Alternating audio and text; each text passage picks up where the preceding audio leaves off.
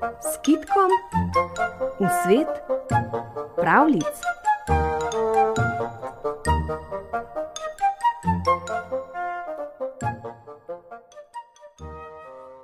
Nekoč je živel fant, ki je bil neumen, da se Bogu smili.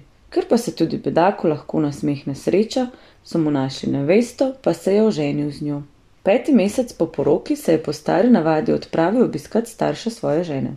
Ti so ga lepo sprejeli in ga pogostili s cmoki, nadevanimi z mesom, ki jim na japonskem pravijo dango.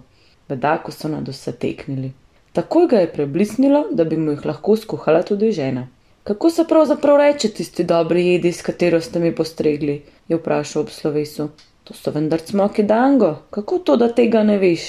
je tlesnila z rokama ženina mati, saj se je zdel čisto trapast. Bedak se je zahvalil in se odpravil domov.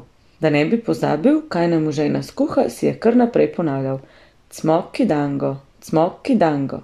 Tako močno se je trudil, da bi si zapomnil to ime, da mu je skoraj glava počela. Ko je tako hodil, je prišel k potoku in ko ga je preskočil, je vzkliknil: Hej hop, hej hop. In potem si je na mesto cmoki dango kar naprej ponavljal: Hej hop, hej hop. Kakor hitro je doma stopil čez prag, je začel: Kako dobro sem jedel pri vaših. Kaj so ti pa skuhali? ga je vprašala žena. Hej hop, vendar, bilo je nebeško dobro, ob sami misli na nje se mi podsedijo sline. Skuhaj mi jih še ti. Lepo te prosim, katera jed pa je to? Še nikoli nisem slišala za njo, se je začudila žena. Kako da ne? Mar ti tega ne veš, kaj pri vas doma kuhajo? To si gotovo rekla kar tako, ker si lena in se ti jih ne ljubi narediti, ampak jaz ti bom pokazal, po čem so češnje, se bo že spomnila. Se je razburil bedak in z držajem pipe tako močno udaril ženo po čelu, da se ji je naredila velika buška. Kaj pa počneš?